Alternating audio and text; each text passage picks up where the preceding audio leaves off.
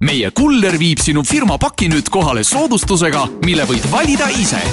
vaata kodulehte dpd.ee kaldkriips kampaania ja vali oma pakile ise soodustus. DPD, sinu pakiveo ekspert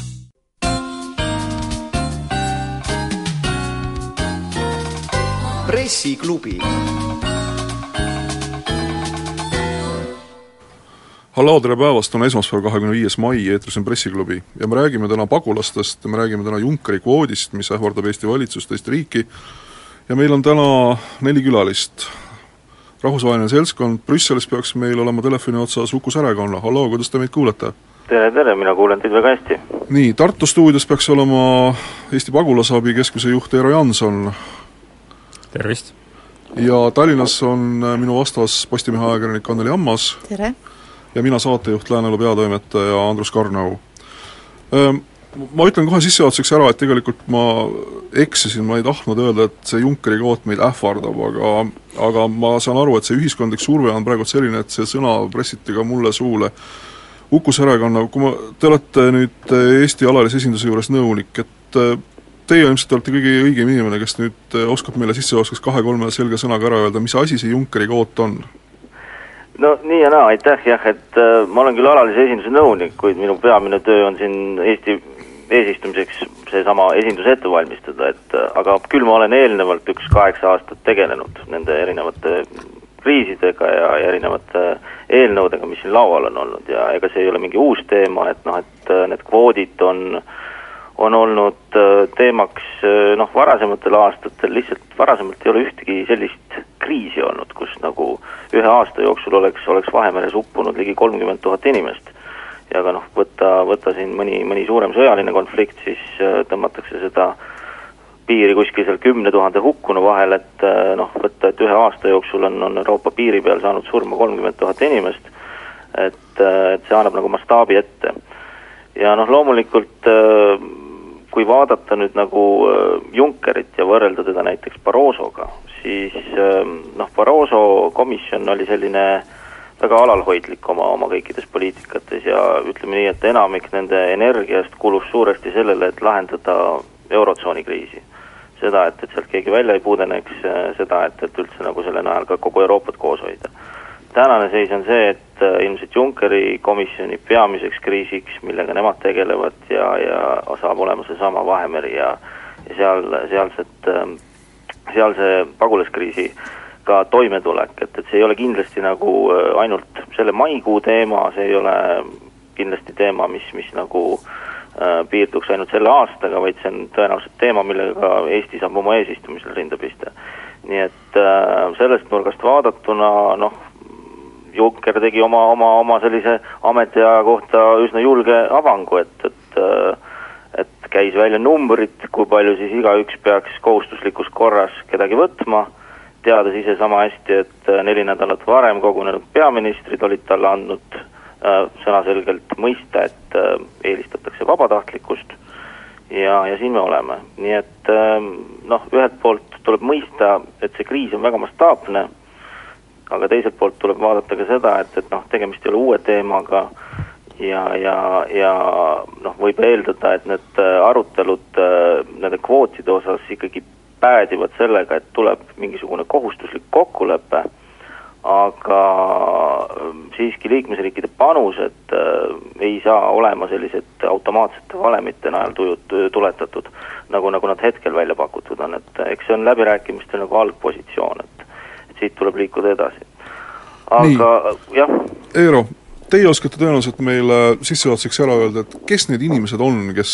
ma saan aru, peamiselt tulevad nüüd paadiga Itaaliasse ja keda siis mingil hetkel võidakse kohustuslikus korras ka osaliselt tuua Eestisse. kes need inimesed on, kust nad tulevad, miks nad siia Euroopasse tulevad? Tegelikult kui me räägime Euroopa Liidu sellest Junckeri ettepanekust, siis seal sisaldus tegelikult kaks kvooti, üks oli ümberasustamine, see on see kurikuulus kolmsada kakskümmend kuus, millest kõik äh, räägivad, ja, ja teine on ümberpaigutamine, mis toimub siis Euroopa Liidu sees. see ümberasustamine, äh, selle puhul äh, seda programmi veab ÜRO pagulasamet ja need on inimesed, kellele ÜRO poolt on juba antud pagulasstaatus, ehk siis neid enam riigid kuidagi menetlema ei pea, nende, nende taotlusi ja nad viibivad üldiselt siis nendes riikides, kuhu inimesed on põgenenud, näiteks Türgis või Liibanonis, Jordaanias, Keenia põgen-, Keenias näiteks põgenikud Somaaliast ja nii edasi ja see, see grupp on siis selles mõttes tõesti äh, ÜRO poolt juba ära menetletud, nende kaitsevajadus on selge, nad on jaotatud äh, sellisesse kõige haavatavamatesse äh, gruppidesse, kes siis kuuluvad ümberasustamisele. Ja nende puhul Eesti saab siis, või need riigid, kes ümberasustamisega tegelevad, saavad siis põhimõtteliselt ise öelda, et mitu inimest nad on noh, praeguse, praeguse süsteemi järgi saavad ise öelda, et palju inimesi nad on nõus võtma ja, ja siis juba nad tuuakse pagulastena Eestisse ja, ja, asutakse neid, siis siin äh, koha, kohandama selle vastuvõtu ühes, ühiskonnaga. aga see teine asi nüüd on ümberpaigutamine ja, ja see on nüüd Euroopa Liidu sisene protseduur ja siis me räägime ikkagi varjupaiga taotlejatest ja, ja seal me ühtegi Äh, arvu otseselt ei saa välja tuua, et praeguse komisjoni ettepanekus on, sisaldab ainult protsent, üks koma seitsekümmend kuus, äh, mis tähendab, et seda, et kui selline ootamatu sissevool mõnda riiki tekib, et siis äh, üks koma seitsekümmend kuus protsenti nendest ümberpaigutatavatest varjupaigataotlejatest peaks siis Eesti vastu võtma. nii, selle numbrini me kohe jõuame, aga ma tahaksin, Anneli, sinult küsida, et see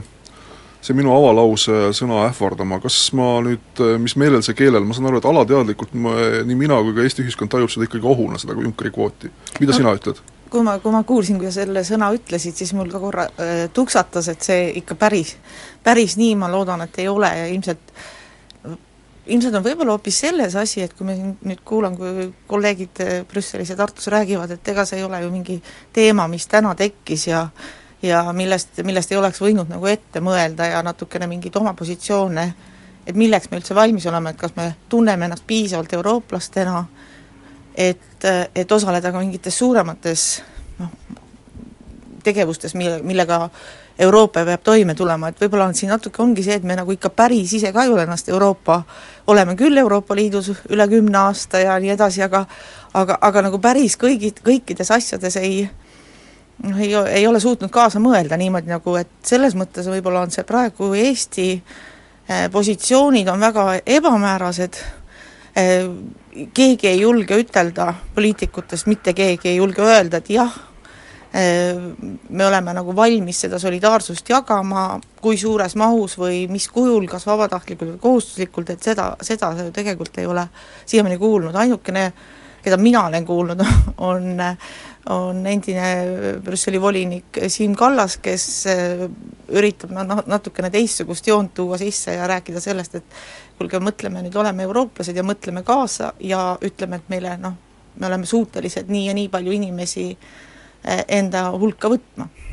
aga ikkagi just, kas ma tohin korra siia otsa lisada, et, et ma olen nagu Anneliga selles võtmes nagu väga nõus, et äh, et noh, et see on väga plahvatusohtlik teema ja, ja see eeldaks nagu väga selget selgitustööd ka poliitilise tasandi poolt. ja noh, ma lihtsalt ütleks, et nagu sellised võtmeküsimused on nagu jäänud kuidagi avalikus debatis nagu vastuseta, et, et räägitakse küll sellest, et kas kvoodid on siin äh, õigeti, õigesti välja arvestatud või mitte, no mis tegelikult on täiesti kümnenda järgu teema, et küsimus üks on nagu see, et, et äh, kas Eesti peaks panustama ja miks teine küsimus on nagu see, et, et äh, mis siis nagu Eesti rahvast saab, et äh, kuidas see mõjutab meie, meie rahvuslikku koosseisu, kuidas need inimesed integreeruvad ja kolmas küsimus on see, et, et äh, kelle arvelt see kõik toimub. et noh, et kui me võtame selle esimese küsimuse, siis noh, erinevalt kõikidest varasematest aastatest, kus mina noh, võiks öelda, et mina olen see kuri ametnik olnud, kes on siseministrit, siseministritele soovitanud Äh, vastuvõtmistest hoiduda ja, ja panustada pigem sellele, et me saadame piirivalvureid ja tehnikat ja, ja anname humanitaarabi. seekord ma leian, et, et meil on liiga palju asju tules selleks, et öelda ei. ja see on üks kõige suuremaid kriise, mis täna Euroopa ees seisab. ja seisab veel järgmised mitu head aastat. ja kui me siin kaasa ei löö, siis ma kardan, et meil on väga raske nõuda solidaarsust teemades, mis puudutavad Ukrainat, mis puudutavad Venemaad, mis puudutavad sanktsioone ja kõike muud. nii et me... Äh, see on nagu üks asi, teine küsimus on nagu see, et äh, et äh, kuidas, kuidas nagu vältida seda tunnetust, et, et meil on, et jälle surutakse kuskilt ma ei tea, nagu vanasti Moskva poolt nagu Brüsselist kuskilt mingeid inimesi meile peale ja, ja, ja et äh, tulemas on massiimmigratsioon, et tuleb selgitada, et ei ole tulemas. isegi kui need tänased numbrid peaksid jääma paika, siis me räägime siiski inimestest kuskil maksimaalselt tuhatkond. aga ma olen päris kindel, et läbirääkimiste käigus need numbrid tulevad nagu rohkem reaalsuse piiridesse.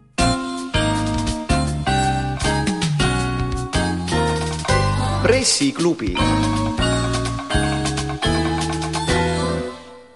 nii, eetris on Pressiklubi, meil Tallinna stuudios on ajakirjanikud Anneli Ammas ja Andrus Karnau, Brüsselis peaks olema meil telefoni teel Uku Särekanno ja Tartu stuudios Eero Janson.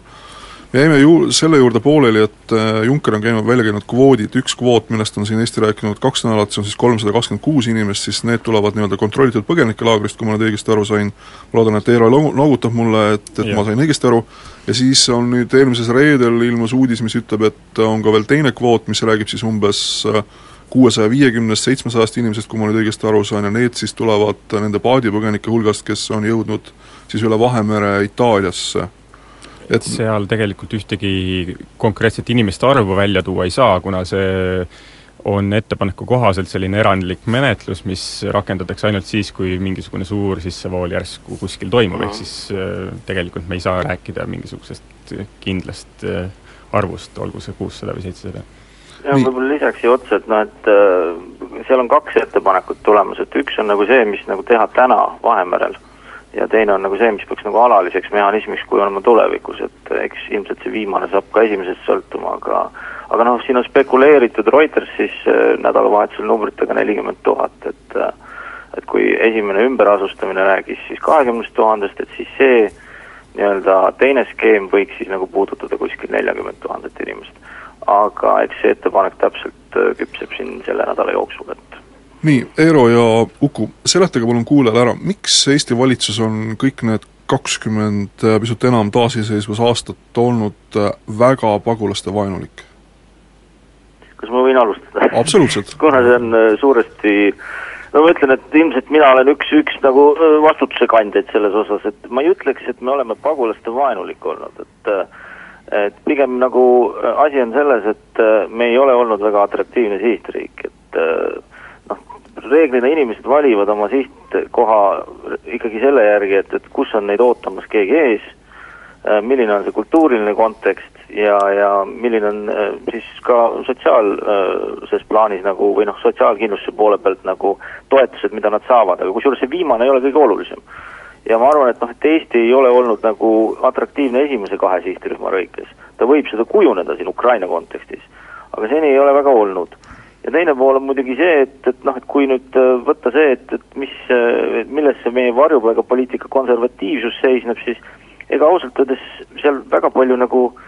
midagi nagu konservatiivset ei olegi, et noh, me rakendame ju samasid reegleid, mis kogu Euroopa Liit, et meil on ühtne, ühtne varjupaigapoliitika. aga me ei ole tegelenud ümberasustamisega, ja me ei ole ka viljelenud sellist praktikat, nagu näiteks Rootsi valitsus, kes näiteks äh, teatud kriiside puhul on teavitanud või teatanud, et näiteks kõik äh, vastavast kriisikoldest pärit pagulased vääriksid varjupaika ja saavad nagu ajutise kaitse, kui nad Rootsi tulevad. et me ei ole nagu sellist äh, kõigile ühe latiga lähenemist kohaldanud ja ma arvan, et on, on ka mõistlik, et me seda ei ole teinud. aga noh, lõppkokkuvõttes kõik noh, see konservatiivsuse temaatika taandub suuresti ikkagi sellele ümberasustamisele ja noh, siin paratamatult, eks me oleme teinud seda, mis me oleme pidanud oma võimaluste piires äh, sobivaks, et äh, me oleme selles osas tõesti madalat profiili hoidnud ja ei ole, ei ole kuskile poole nagu kiirustanud, aga noh, selge on see, et, täna mulle tundub, et siin enam väga palju sellist valikut, et, et me teeme nüüd midagi muud, noh, ei, ei paista enam. Ma lisaksin nii palju, et jah, ma olen nõus selles osas, et, et see konservatiivsus peitub põhiliselt selles, et me ei ole võtnud ühtegi proaktiivset meedet kasutusele selleks, et inimesi aidata, pigem me oleme eh, neid näiteks ka piirilt tagasi saatnud, kui neil on olnud kehtiv Vene viisa. ja, ja lisaks sellele, et me ei ole kasu-, ei ole osalenud ümberasustamises, ei ole me olnud tegelikult ka väga Äh, solidaarselt Euroopa Liidu sees nendes mehhanismides äh, osalemiseks, näiteks äh, kui oli siin ümberpaigutamise programm, kui see toimus Maltalt kaks korda siin kaks tuhat üksteist, kaks tuhat kolmteist. ja, ja samuti näiteks konservatiivsus väljendub selles, kui me ei luba oma piirile sõltumatuid piirimonitoorijaid, mida tegelikult kõik teised Ida-Euroopa riigid on teinud, nii et neid no, nüansse on igasuguseid. vabandust, mis need piirimonitoorid peaksid tähendama? nagu me rakendame ikkagi sedasama õigusraamistikku, mis kõik teised Euroopa riigid. jah, sest seda, see on direktiiv nagu ja seda me peame tegema. mis need piirimonitoorid, miks see oluline on, et me neid lubanud ei ole, mis nad peaksid siin tegema? Eh, noh, põhimõtteliselt on eh, Eesti inimõiguste organisatsioonidele korduvalt tulnud teateid sellest, et et kui inimene jõuab näiteks Eesti-Vene piirile, et siis ja, ja palub näiteks varjupaika, et siis ta saadetakse ilma seda sisulist menetlust läbi äh, tegemata Venemaale tagasi ja seda on tegelikult äh, Politsei- ja Piirivalveamet nüüd ka ise tunnistanud, et seda, seda on tehtud. mis see sisuline ongi... menetlus peaks tähendama? See, et nende varjupaiga taotlus vaadatakse läbi faktidele põhinevalt. ühesõnaga, et selle... iga, me igal võimalusel saadame neid tagasi, igal võimalusel väldime nii palju kui võimalik no, siis pagulaste tulekut Eestisse? no tegemist on selle refoulement printsiibiga, et, et kõik, kes taotlevad kaitset, peavad vähemalt äh, saama õigusega oma mure ära kuulatud ja, ja asi menetletud, et et noh, tõepoolest sellist praktikat on viljeletud ilmselt varasematel aastatel ka, et, et aga, aga noh, ausalt öeldes siin uue varjupaigasüsteemi eelnõudega, mis nüüd äh, ka said kohalikku õigusesse üle võetud, ma usun, et see praktika on ka lõppenud. ja pealegi ega neid tulijaid seal nüüd ülemäära palju ka ei ole piiri peal, kes nüüd oleks nagu hirmsasti varjupaika arvu, arvud ei ole suured nendel samadel põhjustel, mis sa ka enne Uku välja tõid, aga jah, see ei, ei lükka ümber selle fakti, et Siseministeerium on seni olnud väga tulihingeliselt vastu selleks, et sellele, et äh, sõltumatud organisatsioonid lasta piirile ja et, et näha, et kõik toimuks tõepoolest vastavalt siis Euroopa Liidu seadustele ja Eesti no, seadustele. mõnes mõttes päri, et noh, et eks seal on äh, põhjuseid ka, miks seda ei tehta, et ja, ja ma olen, võin väita ka, et kõik Ida-Euroopa riigid päris, päris nagu sarnast praktikat ei rakenda. no Läti, Leedu näiteks, äh, seal toimub see. mis puudutab, ma tuleks selle sisemise solidaarsuse juurde tagasi, et äh, Maltaga, et et noh, et ei jääks väärat muljet, et äh, noh, tegelikult äh, ega ka seal see abistamine läks pooleks, et noh, et umbes pooled liikmesriigid toetasid, pooled mitte, äh, varasemalt näiteks Leedu on korra Maltat aidanud, aga kui me vaatame nüüd neid koondnumbreid, neid Junckeri kvootide alut-, arvu, arvutamise aluseks olevaid numbreid või noh, neid jaotuse valemit, siis ega ausalt öeldes see, et nad seal kedagi on aidanud varasemalt, ei peegelda selles numbris, mis nad ikkagi tänasel päeval said, nii et noh, põhilähenemine, mis ikkagi oli, oli komisjoni aluseks nendel arvutustel, oli suuresti see, et, et kui palju üldse varjupaiga taotlejaid liikmesriikidesse tulnud on ja noh, siin Baltikumi riigid on, on suhteliselt tagaplaanil, et okei okay,, Läti, Leedu seal natuke rohkem, aga, aga, aga jah, et et ei ole me varasemalt vanastanud, panustanud, aga, aga jah, me päris väär oleks nagu väita seda, et me üldse midagi teinud ei ole, et, et noh, kindlasti kui oli Kreeka kriis, ma mäletan esimesel kahel nädalal vist sellest Frontexi täiskoosseisust, kes saadeti piirile, me saatsime vist peaaegu kümme protsenti, et see oli vist, ma ei mäleta, kas kakskümmend või kolmkümmend inimest, et et noh, et me oleme püüdnud panustada seal, kus, kus nagu me, meil on mingit võimekust ja, ja me näeme, et, et me suudaks nagu aidata enamaga kui, kui, kui võib-olla varjupaiga valdkonnas, aga, aga nõus, et seda me ei ole teinud, jah ma tahtsin seda atraktiivsuse, Eesti atraktiivsuse teemat natukene, kui ütlesite, et ei, see sotsiaalsed garantiid võib-olla ei olegi nagu kõige, kõige olulisem, et eh, ilmselt ongi see, et kas on mingisugune noh, juba hulk inimesi siin, et sul on oma kogukond, kellega kellega üksteise, üksteist toetada, et kas see, kas see, kui palju võib see olla niisugune kogukonna suurus või, või hulk, et kust, kust hakkab see atraktiivsus, võib kasvama hakata, oskate te öelda? aga me saame seda, peame nüüd, meil on kahjuks nüüd reklaam ja uudised ja seda, sellele Anneli küsimusele me vastame umbes seitsme minuti pärast.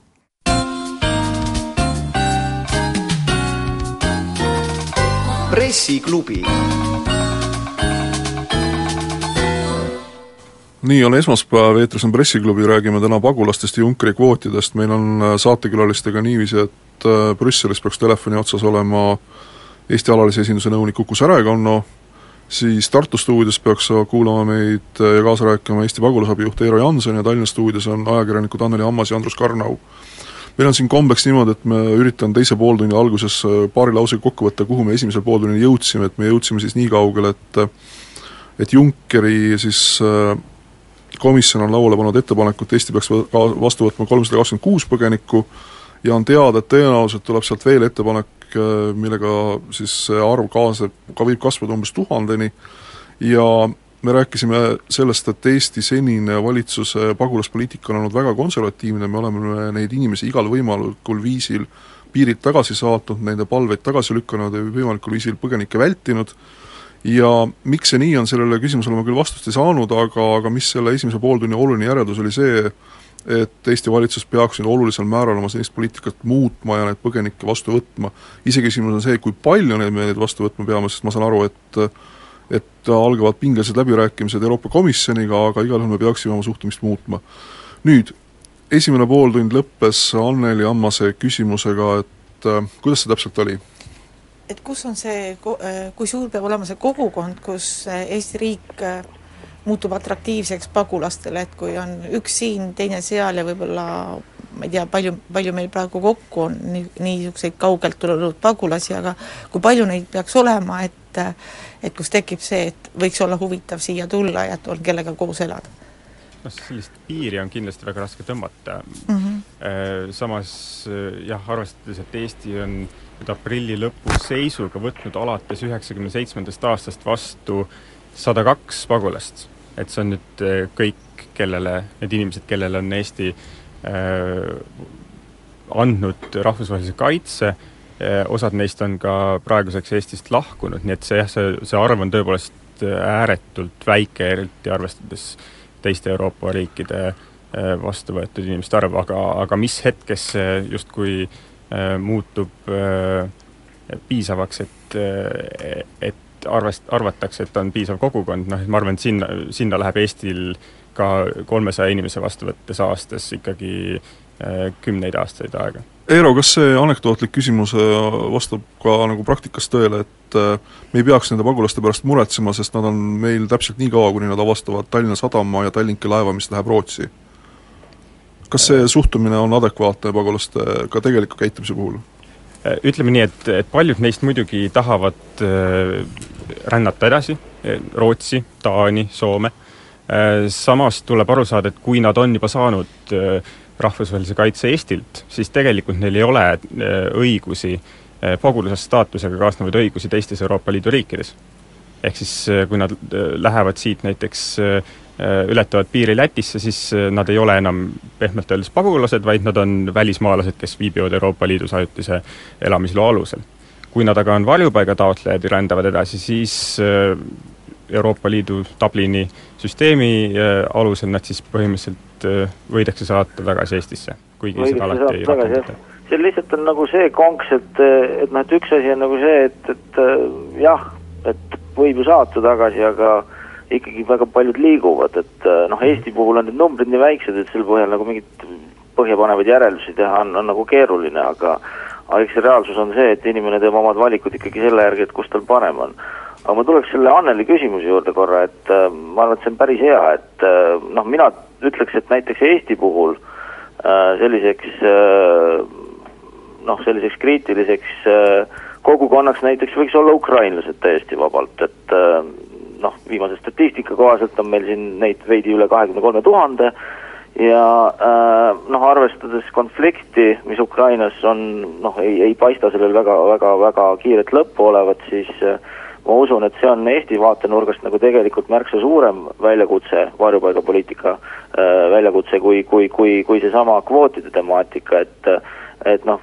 täna on, on Ukrainas kuskil miljon sisepõgenikku, eks iga põgenik loodab ju seda, et, et, et nad saavad peatselt koju tagasi minna oma lastega, aga kui see võimalus nagu muutub järjest udusemaks ja äh, noh, sa istud juba seal peaaegu kaks aastat äh, oma lap-, lapsed kõrval kuskil, kuskil võimlapõrandal, et ega, ega sa vaatad juba uusi võimalusi, et kuhu oleks siis reaalselt võimalik minna oma, oma elu üles ehitama. Ja võtta nagu see, need numbrid aluseks ning vaadata seda, mis, mis toimub ümberringi, et et ka näiteks Euroopa Liit on planeerimas viisavabadust Ukrainaga ja et meil on väga suur kogukond,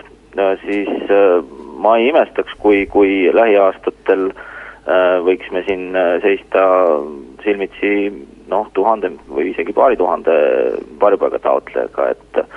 et eks täna oli ka päris palju Ukrainast tulijaid, lihtsalt võib-olla nad ei ole kõik varjupaika küsinud, et äh, mõni töötab elamise tööloa alusel ja lihtsalt on endale leidnud rakenduse kohe, aga, aga ma arvan, et see on pikas perspektiivis või mitte isegi pikas perspektiivis, vaid siin lähiaastate teema, et, et meil oleks nagu valmisolek nende inimestega ümber käia. Mis puutub ukrainlastesse, siis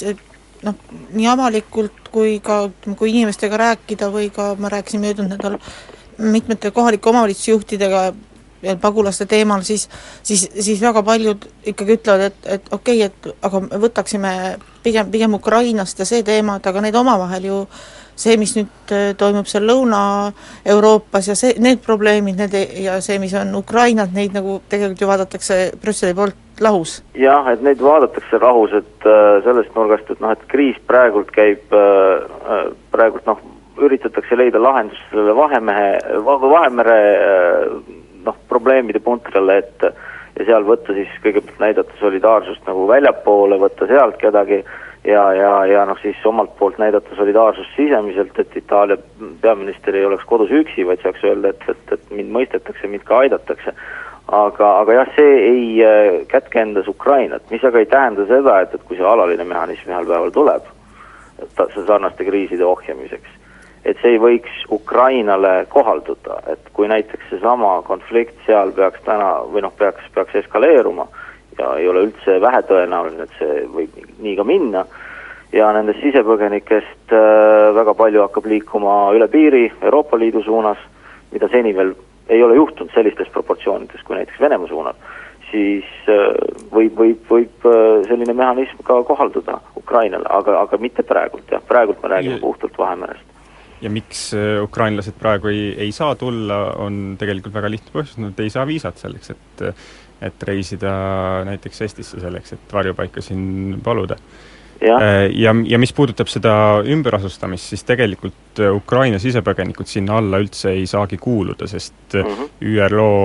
asustab ümber ainult välispõgenikke, ehk siis nad ei, ei asusta ümber sisepõgenikke ja ma ütlen, et see saakski minna nagu ainult selle sisemise jaotusvõtme peale, kui peaks nagu asi väga kriitiliseks minema. aga noh, see on tõsi jah, et, et näiteks Ukraina saatkonnas on meil Eesti puhul viisast keeldumise protsent olnud aastaid väga kõrge, et äh, ja, ja no mitte ainult meil, väga paljudel teistel Euroopa Liidu liikmesriikidel ka, et äh, ja noh, kui nüüd viisanõudest näiteks loobutakse, et noh, ma arvan, et see omab nagu väga selget mõju ka sellele, et äh, mis, millised saavad olema meie pagulasnumbrid ja, ja ja üleüldse, kui suur saab olema Ukraina kogukond Eestis, nii et, et sellele tuleb mõelda ja selleks, selleks tuleb ka valmistuda. Aga kui ma tohin korra nagu tagasi põigata selle kokkuvõtte juurde, siis ma siiski jääks natukene eriarvamuse selles osas, et kas Eesti peaks nüüd äh, kardinaalselt oma var-, varjupaigapoliitikat muutma, et, et ma, ma siiski leian, et me ei ole nagu kapitaalselt valesti midagi teinud seni, et, et ma olen nõus nagu Eeroga, et äh, me oleks võinud mitmel juhul nagu olla proaktiivsemad, äh, mõelda selle poole, et, et kuidas nagu aidata inimesi võib-olla, kes on, on väljapool meie piire, äh, aga selles võtmes ma arvan, et noh, et ongi nüüd aeg siis äh, seoses sellega, et, et meil on üks kõigi aegade suuremaid kriise Euroopas, noh, teha need väiksed lükked ja oma, anda oma sümboolne panus. Aga noh, et me nüüd peaks põhimõtteliselt vaatama ümber oma senise varjupaigapoliitikat, ei, ei, ma ei annaks nii halba hinnangut. aa, ma sain siis, ma sain teist siis valesti aru, et te tahtsite öelda, et me peaksime andma sümboolse panuse, mitte muutma oma senist arusaama, et mitte päris panuse. Päris panuse noh, selles suhtes, et noh, et kui me nendest numbritest räägime, et ega, ega see nelikümmend tuhat või, või, või kakskümmend tuhat, no maailma mastaabis on need ikkagi väiksed, väiksed numbrid, aga, aga Eesti jaoks on need muidugi väga suured ja, ja no eks me saame panustada seal ikkagi ainult oma võimete piires, et et see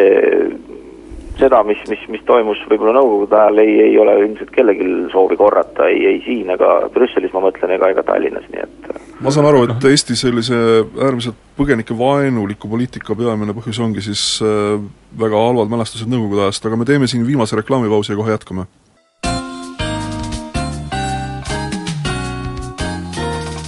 pressiklubi nii, viimased kümme minutit tänast pressiklubi, meil on siis külalised niiviisi, et Uku Sõrekanno peaks olema meil telefonidele Brüsselis, Tallinna stuudios on ajakirjanikud Anneli Ammas ja Andrus Karnau. Ja Tartu stuudios siis Eesti pagulasabi juht Eero Janson. Eero, teiega ma tahaksin kohe edasi minna, et kas te võiksite mõne lausega meile kirjeldada, mis see Eesti praegune võimekus on pagulaste vastuvõtmisel, te ütlesite, et me oleme kaheksateist aasta jooksul vastu võtnud sada inimest, mis meie võimekus on, kas meil üldse on nagu füüsiliselt oleme valmis selleks, et kolmsada inimest vastu võtta ühe korraga? No ütleme, järgmine kuu me ei ole veel valmis kolmsada inimest ehk vastu võtma, aga äh, aga see val-, põhimõtteliselt see võimekus, suutlikkus Eestil kindlasti neid inimesi vastu võtta ja integreerida on, arvestades eriti, et see on ju tegelikult äh, kübe äh, Eesti suuremas äh, rahvaarvus. Mis see, mis see aga... kulu umbes on selle kolmesaja inimese vastu, me saame, me peame nad vastu võtma, need kuidagi siin aitama neil kohalduda meie ühiskonnaga, mis see kulu umbes on, millest me räägime, millistest summadest, kui palju me vajame tööjõudu nendega kohtlemiseks?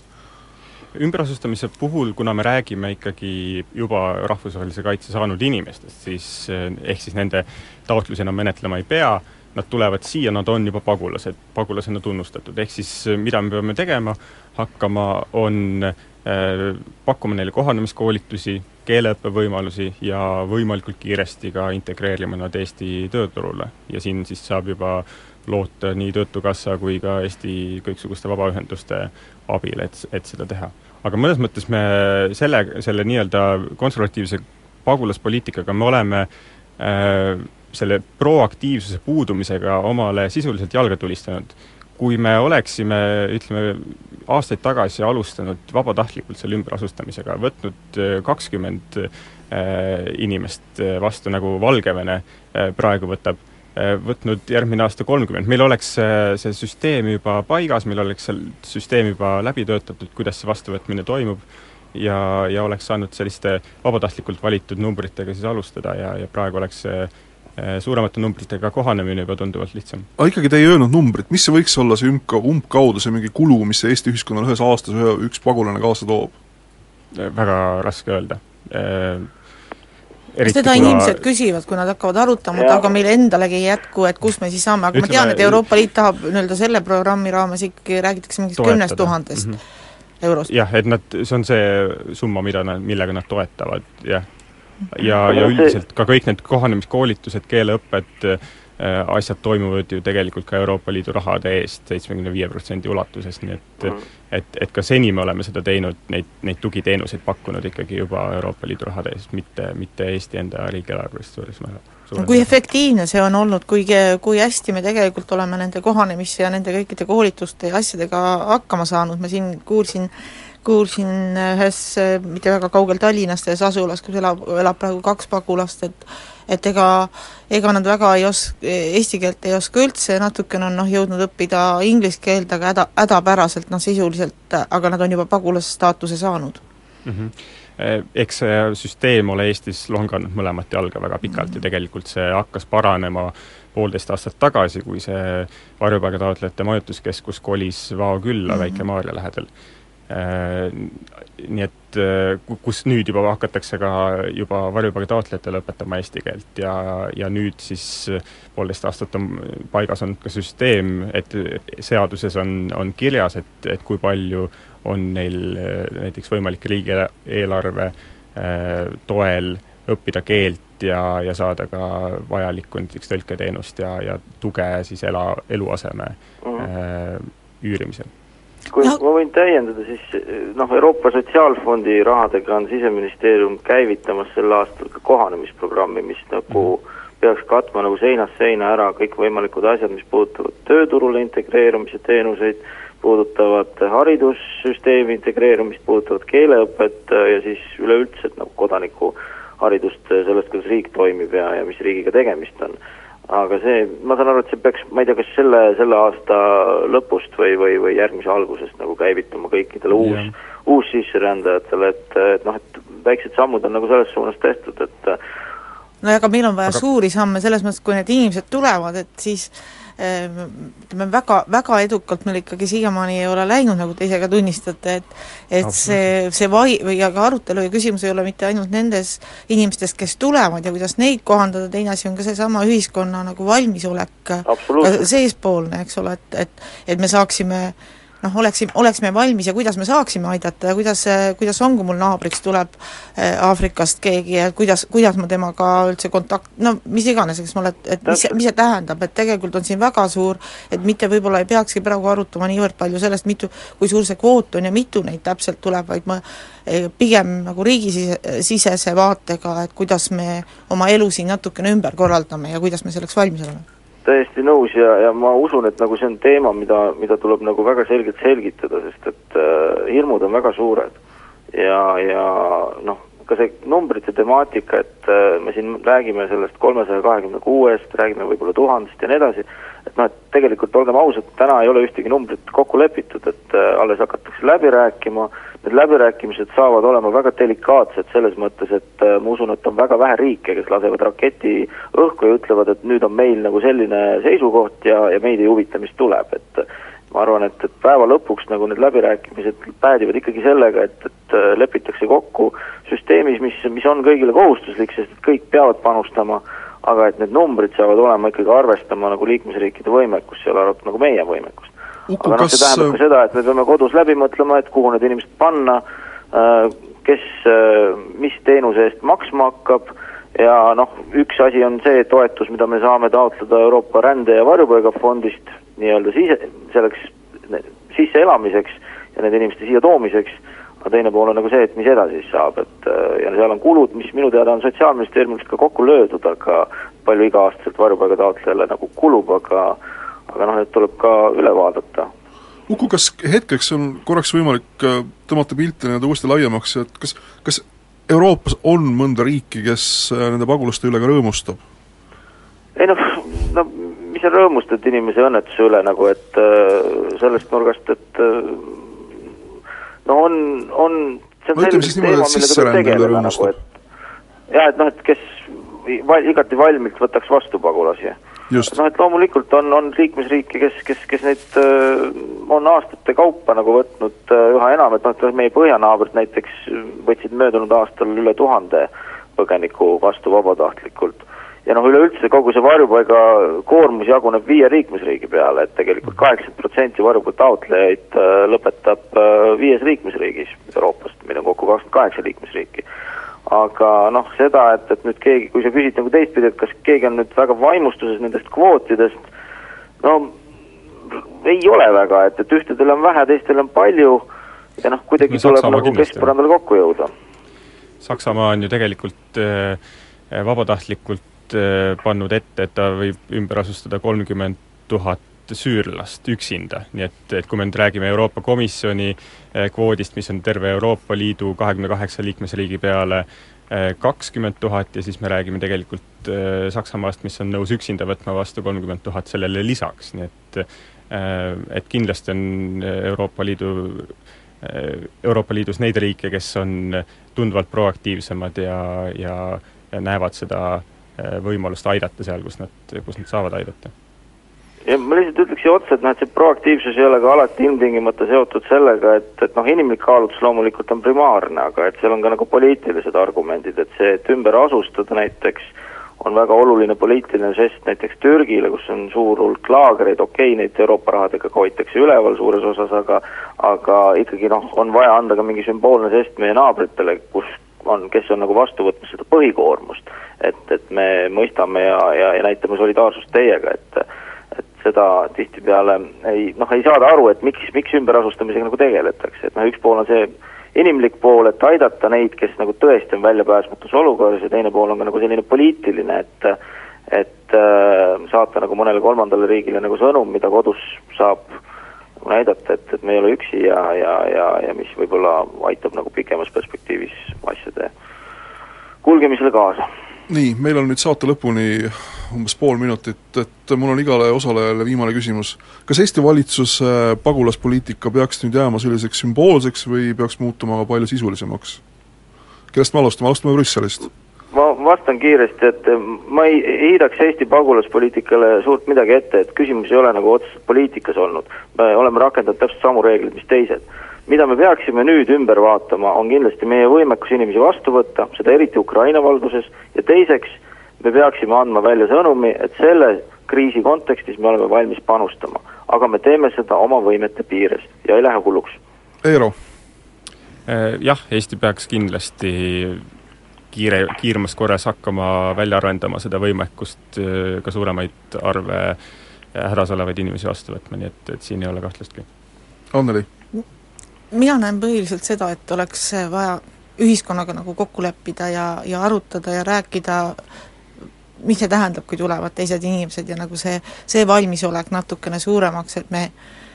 tunnistama, et meile tuleb siia teisi inimesi, ükskõik, me ei saa siin midagi teha, maailm on avatud, aga et kuidas me, kuidas me saame hakkama nii, et meil endal ei lähe paremaks, vaid pi-, ja kõigil läheks paremaks hoopis head saatekülalised, tänan, et tulite, head kuulajad, tänan, et kuulasite, see saade on õhtul korduses kell seitse Kuku raadio veebiküljel igal ajal, kuulake Pressiklubi jälle nädala pärast, elage hästi!